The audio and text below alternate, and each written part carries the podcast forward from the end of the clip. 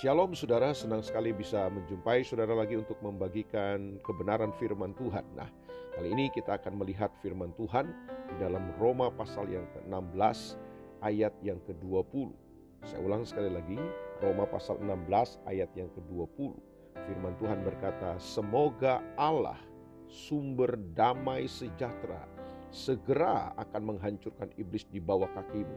Kasih karunia Yesus Tuhan kita menyertai kamu. Nah, saudara, di tengah-tengah keadaan-keadaan yang tidak menentu dan mengecewakan hari-hari ini, di tengah gejolak-gejolak kehidupan yang semakin uh, bergelora hari-hari ini, ada banyak orang yang kehilangan damai sejahtera. Ada banyak orang yang kehilangan ketenangan dalam kehidupan dan salah satu target daripada kerajaan kegelapan tentunya lewat semua situasi-situasi yang sulit ini adalah supaya kita kemudian menjadi orang-orang yang bimbang, gelisah, tidak tenang sehingga kita akhirnya gampang sekali untuk diperdaya oleh si iblis, oleh kerajaan kegelapan untuk kemudian kita mengerjakan bukan kehendak Tuhan dalam kehidupan, tapi kita mengerjakan kehendak diri kita sendiri, kehendak daripada kerajaan kegelapan. Itu sebabnya ada banyak orang yang menjadi putus asa, ada banyak orang yang akhirnya menjadi kecewa, ada banyak orang yang akhirnya saling menyalahkan satu dengan yang lain dan lain sebagainya. Nah, mengapa seperti itu Saudaraku? Karena kita kehilangan sebuah kekuatan yang penting untuk kita miliki hari-hari ini yaitu damai sejahtera. Nah, waktu saya pelajari kata damai sejahtera itu, Kata damai sejahtera itu dipakai kata Irene. Kata damai sejahtera ini ternyata sangat luar biasa.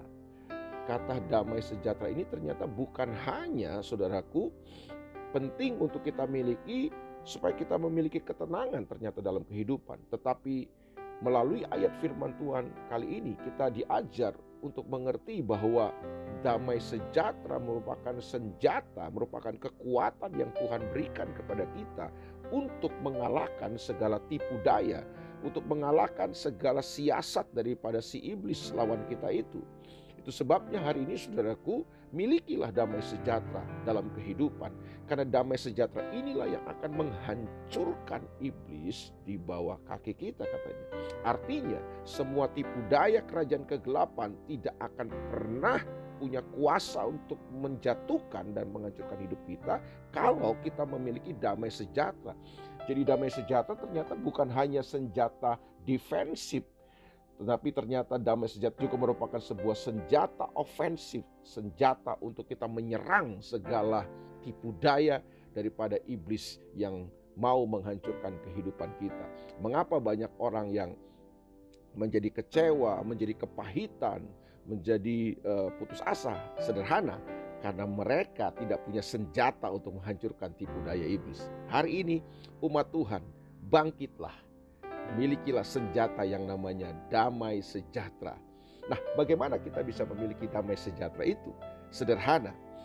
Kalau Tuhan yang memerintah dalam hidup kita, maka pasti damai sejahteranya ada dalam hidup kita. Seringkali bukan masalahnya kita nggak punya damai sejahtera atau kita kehilangan damai sejahteranya.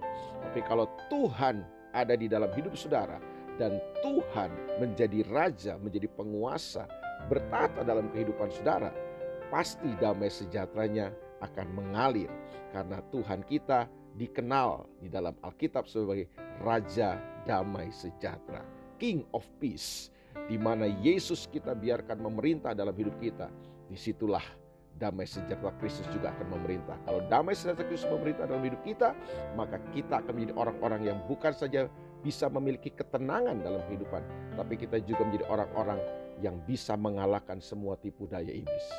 Selamat memiliki damai sejahtera Tuhan, karena Tuhan memerintah dan menjadi penguasa dalam kehidupan saudara.